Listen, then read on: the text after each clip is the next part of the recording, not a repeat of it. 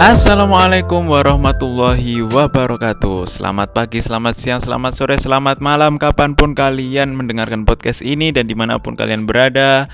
Halo kawan APMI semuanya, senang sekali kita berjumpa di kesempatan yang sangat berbahagia ini Bersama aku Hanung Abdul Mukid Ramadan Anwar Di podcast Sapa Sang Juara episode 3 Nah, bagi kalian yang baru pertama kali ini mampir di podcast kita, nah jadi Sapa Sang Juara itu adalah program dari APMI, Asosiasi Peneliti Muda Indonesia, di mana kita mengundang narasumber dari teman-teman kita yang telah berhasil menorehkan prestasi di bidang penelitian. Di sini kita akan mengeksplor lebih jauh bagaimana pengalaman mereka, suka dukanya, menjadi medalis ataupun juara di kompeti kompetisi penelitian baik di tingkat nasional ataupun internasional. Nah, bagi kalian yang kepo nih, uh, kok tiba-tiba udah episode 3 aja. Nah, episode 1 dan 2 bisa kalian saksikan lewat Instagramnya apmi di apmi.id. Jangan lupa di follow ya.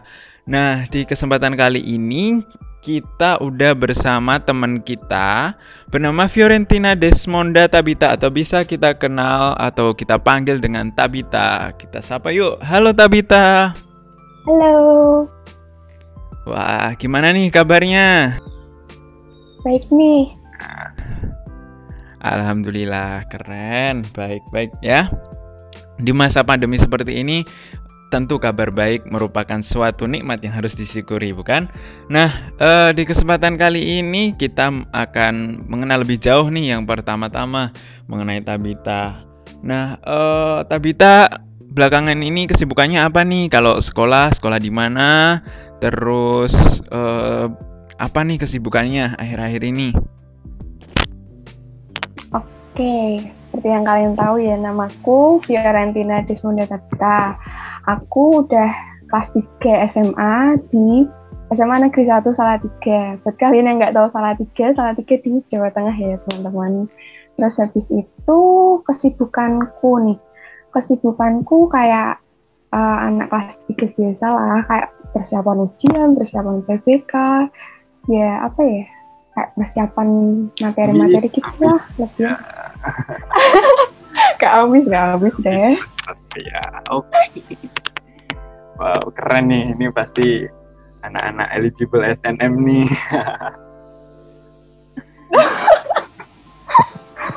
Dan rencana mau lanjut ke mana nih sebelum kita uh, mulai bincang mau lanjut ke mana nih? Um, aku rencana ya, rencana pengen ke UGM sih. Pengen. Amin. Banget. Oke okay, guys. Nah, uh, untuk selanjutnya kita mau mulai uh, dengan kita tanya dulu nih prestasi bidang penelitiannya. Uh, tapi kita apa aja nih? Mungkin bisa disebutkan semuanya kalau ada banyak ya. Oh, enggak semua. Iya. banyak banget. Uh, Oke, okay. kalau prestasiku di bidang penelitian itu di SMA ini uh, aku 2019 itu ikut opsi dan uh, Tuhan dapat gold medal terus. Uh, di tahun 2020 kemarin itu aku ikut apa ya lomba namanya lomba YIC eh YIC itu uh, uh, Young Inventor Challenge 2020 itu puji Tuhan juga aku dapat uh, silver medal. Oh keren banget, oh keren mantap wow, aku deh. Ini prestasinya udah sampai internasional guys. Jadi enggak Seperti kita kali ini keren banget pokoknya. Nah, uh, mungkin kita mau tanya dulu sih hal yang mendasar. Kenapa kok pengen meneliti? Kenapa kok ikut lomba meneliti? Itu sebenarnya motivasinya apa? kalau ditanya kenapa aku meneliti uh, mungkin dari awal dulu ya aku dari SMP tuh itu udah mulai apa ya udah mulai dikenalin dengan apa lingkungan penelitian gitu. Tuh jadi di SMP itu aku udah mulai dikenalin ikut uh, apa pembinaan uh, penelitian gitu-gitu sih. Terus aku mulai tertarik nih kayaknya kok seru juga kayak aku kayak mencari masalah bukan mencari masalah itu ya keributan gitu. Kayak mencari suatu permasalahan yang uh, nantinya na bisa aku pecahin gitu loh. Jadi dari situ aku mulai suka meneliti terus itu mulai SMA nah mulai SMA itu aku mulai ikut lomba-lomba gitu. Jadi ya senang aja karena apa ya dengan aku meneliti itu kayak aku bisa bantu orang-orang di sekitarku gitu loh. Walaupun nggak nggak harus masyarakat luas gitu ya kayak masyarakat di sekitarku itu kayak merasa terbantu.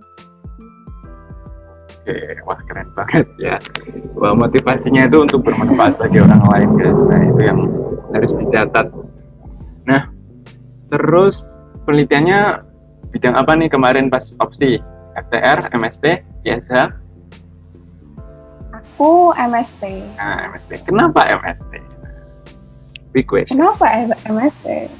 Karena karena kalau aku sendiri itu aku menguasai bidang MST jadi kayak kalau FTR kayak FTR sama aku satunya satunya apa sih lupa lupa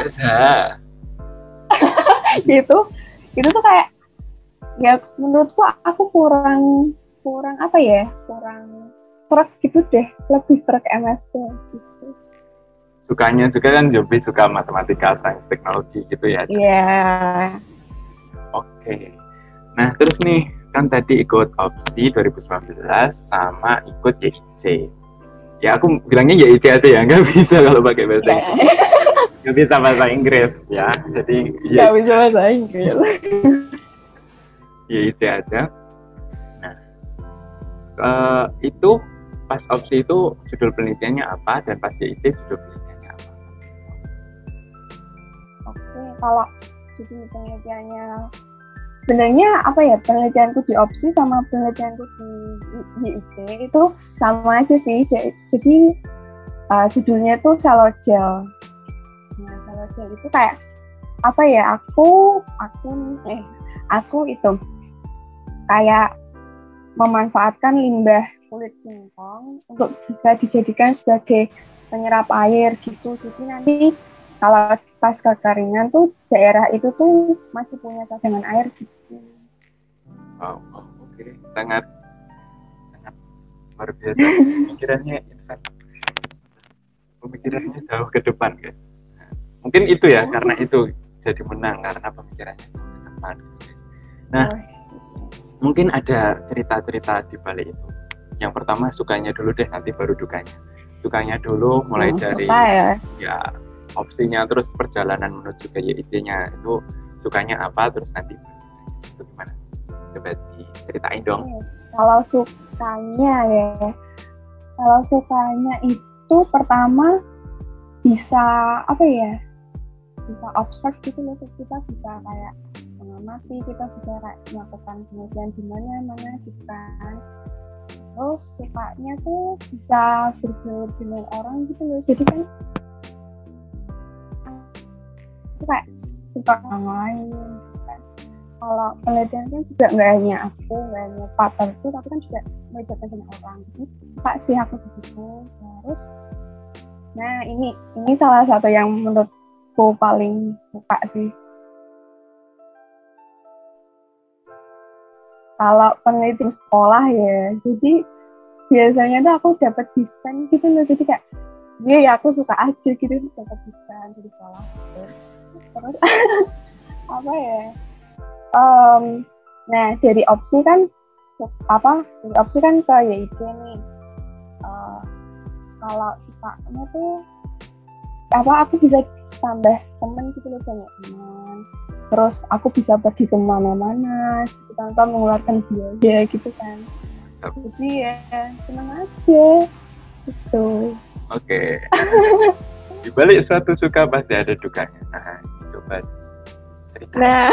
yang menjadi duka dukanya apa ya hal yang menjadi duka itu yang pertama saat penyusunan naskah opsi. Pas pas aku pas aku opsi ya kayak penyusunan naskah tuh awalnya tuh eh ayo ayo kita bisa kayak semangat gitu. Terus pas di tengah jalan tuh kayak ya ampun aku capek ya ampun aku capek. Terus kayak udah mau udahlah nggak usah lanjutin gitu kan. Terus apa ya di situ tuh kayak capek gitu loh. Rasanya terus uh, tapi ya ingat lagi motivasi kita kan apa selain untuk ikut lomba kan kita juga untuk apa penelitian kita kan berguna untuk orang lain juga. Jadi ya dengan motivasi itu lanjut lagi penelitiannya. Terus uh, apa ya mungkin kalau dengan partner nih aku sama partnerku itu kan nggak mungkin setiap apa kali ada pendapat tuh sih apa pendapat kita sama gitu loh. Jadi kayak pernah ada tes gitu gitu tapi ya kalau penelitian sih apa ya nggak mungkin nggak ada kayak begituannya sih kalau menurutku. Jadi kayak ada konflik-konflik gitu. Terus itu satu lagi yang uh, sukanya itu kayak revisi revisi dan revisi. Nah itu itu sih. Oke itu ya benar banget itu. Ya bagi kalian para peneliti muda yang pernah ikut uh, lomba penelitian pasti pernah mengalami hal itu semua guys jadi tidak terkecuali aku juga. Ya walaupun aku nggak dapat nggak nggak apa nggak dapat medal tapi tapi itu juga terjadi pada diri. Iya kan? Ah, bener banget nih, relate, kan relate sekali ya ini. Nah, terus mungkin banyak yang nggak tahu nih dari opsi ke YIC itu prosesnya gimana sih? Itu apakah keinginan pribadi atau uh, ada yang mak comblangin gitu atau dari puskesmas atau gimana? Coba diceritain.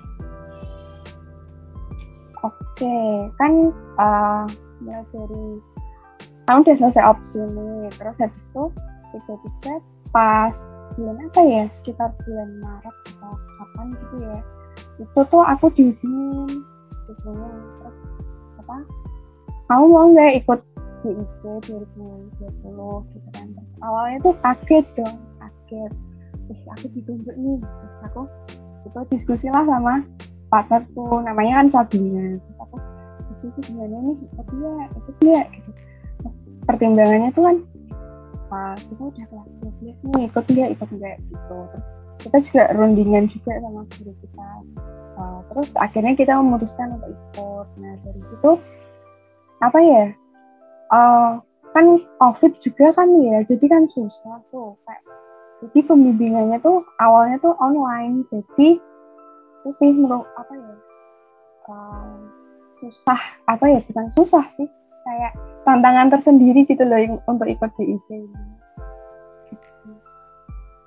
Nah, kan itu tadi udah kita, kita tahu ceritanya, ada sininya, ada cerita-cerita di balik Nah, uh, kira-kira menurut kamu nih, coba di kamu sebutin siapa aja orang-orang yang kira-kira pa paling berjasa buat buat kamu tentang penelitian. Nah, terus peran mereka apa? Bentuk dukungan dan support mereka apa? Coba Oh, yang berjasa ya. Kan berarti kan selain partnerku kan ini, ini iya, partnerku yeah, sangat yeah. berjasa sekali di sini. oh, yang berjasa tuh yang pasti itu orang tua lah. Orang tua tuh kayak support banget gitu loh untuk aku uh, ikut penelitian ini sampai apa ya sampai misalnya harus nyiapin barang ini ini ini kayak aku dibantu gitu loh untuk nyiapin barang-barang itu terus nggak juga lupa eh nggak juga apa dibantu dalam doa juga mesti kan terus habis itu guru pembimbing guru pembimbing juga kayak apa ya ngarahin ngarahin aku untuk kamu tuh harus gini gini gini gitu. Oh, apa ya ya gitu sih kayak lebih ke ngarahin aku sama partnerku tuh kita harus gimana nih untuk ke depannya? Terus teman-teman itu teman-teman juga menurutku apa ya support system gitu loh. Jadi misal kayak latihan presentasi nih nggak mungkin karena aku cuman aku sama partnerku kan belum nggak ada evaluasi apa apa terus kayak kemarin pas kan covid nih jadi kan nggak bisa keluar keluar jadi kayak aku ngundang temen-temenku eh teman-teman itu dong bantuin aku kasih evaluasi presentasiku yang kurang apa nih apa nih. Terus kayak mereka juga excited gitu loh mereka juga mau dengerin presentasiku mau dengerin eh mau ngasih evaluasi apa gitu sih nah selanjutnya kita ini kan uh, tadi udah disinggung sedikit ya tentang uh, ketika COVID ada tantangan tersendiri nih. Nah mungkin kamu ada nggak sih uh, apa ya kayak unek-unek yang ingin disampaikan atau mengenai uh, gimana sih harusnya penelitian saat pandemi gitu atau kamu punya pengalaman bahwa oh penelitian selama pandemi gini loh nah coba kamu uh, apa ya ungkapin sesuatu tentang meneliti di kala pandemi kita harus gimana atau uh, apa tips dan trik yang bisa kamu berikan kepada kita. Soalnya kan ini pandemi ini juga susah kan nah kamu terbukti udah bisa iya. melewati tantangan itu dengan kamu dapat IC perak. Nah itu kan kamu berarti berhasil melewati tantangan nah coba kamu share cerita kita gimana sih melewati tantangan uh, meneliti di kala pandemi Oke, kalau meneliti di kala pandemi itu kan ya susahnya kita nggak bisa itu ya tatap muka dengan partner kita, dengan pembimbing kita gitu ya. Tapi kalau menurutku itu sih kayak apa ya? Wait, wait. Aku juga bingung. Apa gak apa-apa. Uh.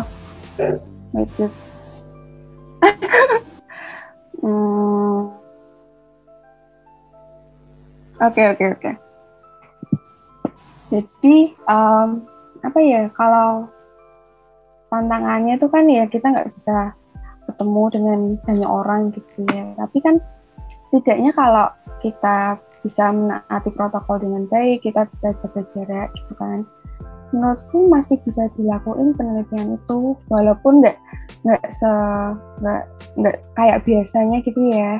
Terus mungkin kalau untuk penelitian di kala pandemi itu uh, lebih baik uh, apa ya kayak lebih ke kita kan banyak waktu nih banyak waktu luang di rumah kayak lebih uh, ngurus ke laporannya itu sih. Jadi kalau misalnya pengamatan kita atau penelitian kita kan udah selesai gitu uh, di rumah kita bisa lebih review ke uh, laporannya gini-gini terus misalnya ada revisi kita langsung segera revisi. Terus kan kalau misalnya biasanya itu kan kita harus nunggu misalnya kita ada tugas kayak gini kayak gitu kan kayak ya ampun pusing gitu kan. Terus kalau misalnya ini kan kita masih punya waktu luang berarti apa bisa untuk merevisi lebih lagi biar bisa lebih baik gitu. keren keren. Motivasinya uh, apa mengenai juga nih buat aku. Karena aku juga aduh ya ampun gimana mau masa mau apa mau lanjutin peneliti lagi di pandemi gimana nih? Nah, tadi ada hmm. jawabannya. Pokoknya uh, pasti ada jalan semua pasti juga ada nah, nah ya kita mau uh, tanya-tanya nih agak deep ya uh, mungkin menurut kamu nih iklim penelitian Indonesia seperti apa sih? Apakah uh, Indonesia ini sudah para khususnya para milenial milenial yang uh, generasi Z ya, generasi Z yang uh, sekarang ini ada yang kuliah, ada yang SMA itu udah pemikirannya udah saintifik belum sih? Terus kira-kira kalau ada masalah tentang iklim penelitian di Indonesia, kira-kira solusinya apa? Mungkin kamu punya suatu pemikiran yang bisa uh, kita semua tahu. Hmm.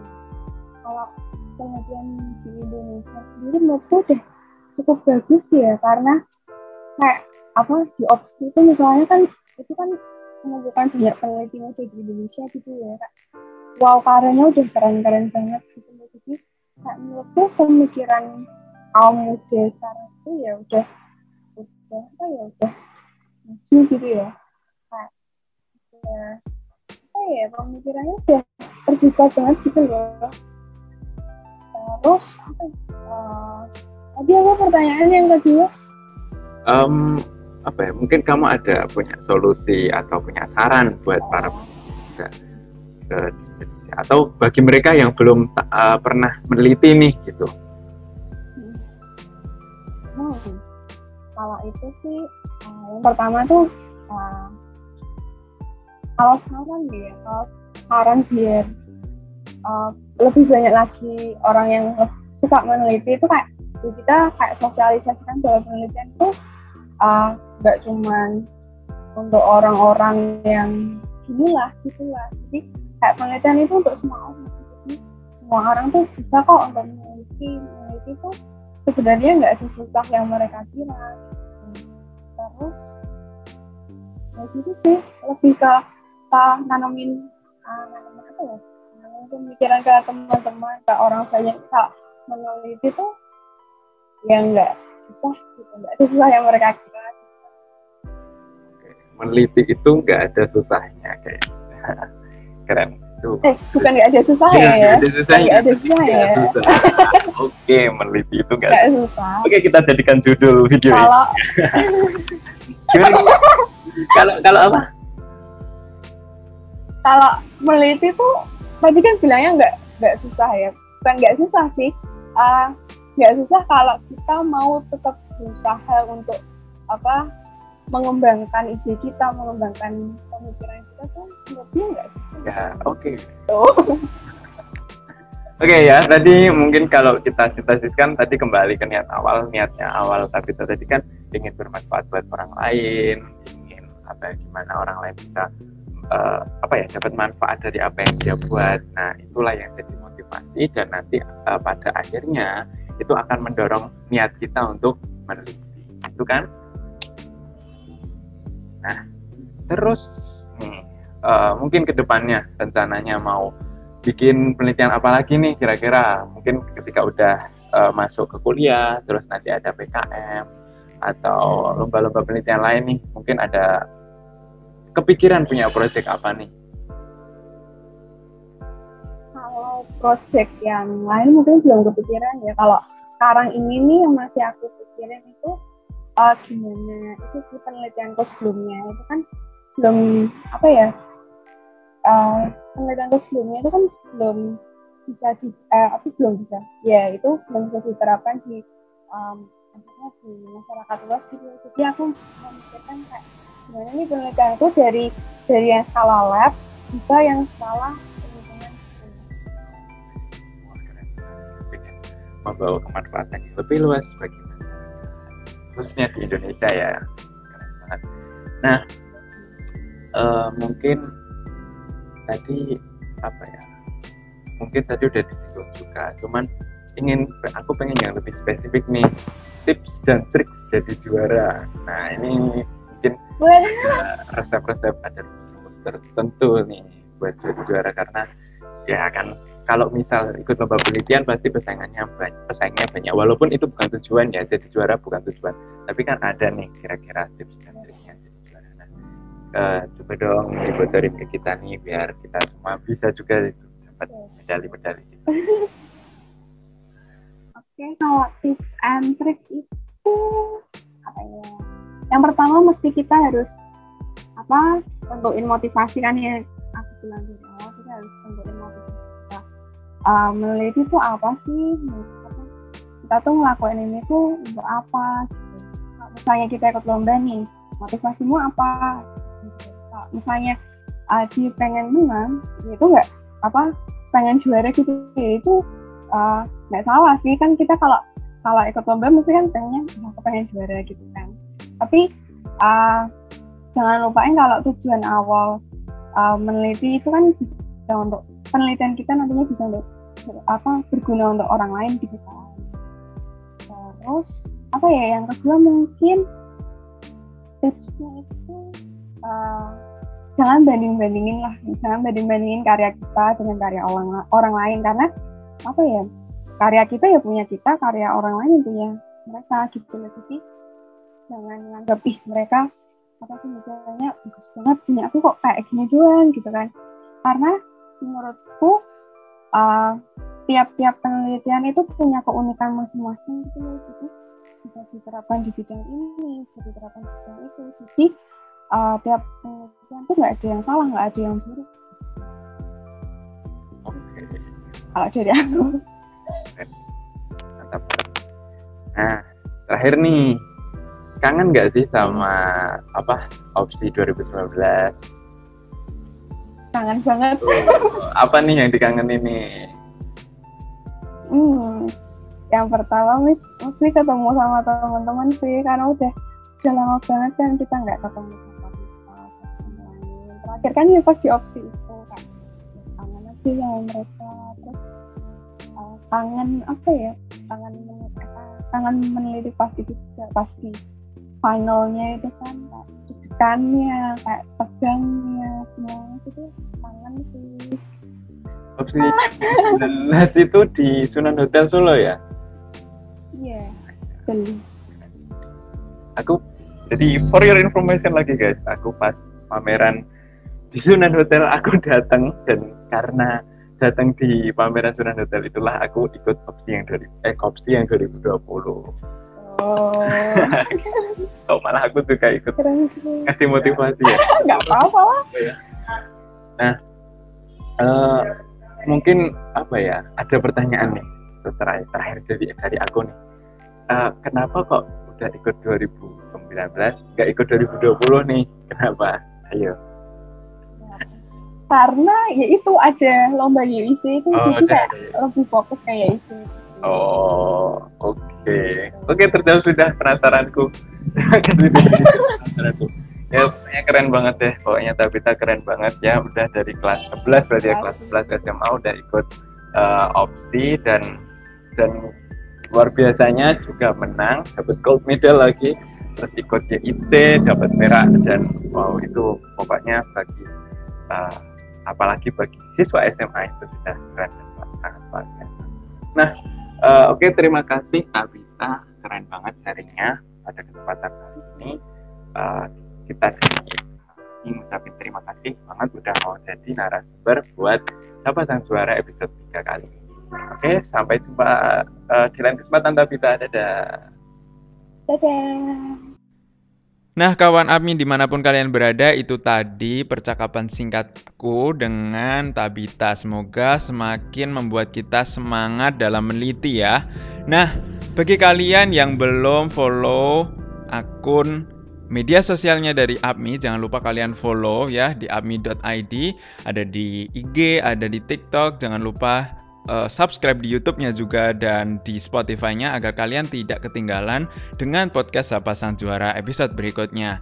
Nah, apabila kalian ada kritik dan saran untuk Sapa Sang Juara episode selanjutnya, kalian jangan lupa kirim pesan atau DM di media sosial kami. Insya Allah akan kami tampung dan akan membawa perubahan untuk SSC ke depannya agar lebih baik. Nah, terima kasih kawan API semua yang sudah mendengarkan podcast Sapa Sang Juara episode 3 kali ini. Sampai jumpa di episode selanjutnya. Wassalamualaikum warahmatullahi wabarakatuh. Salam sehat semuanya.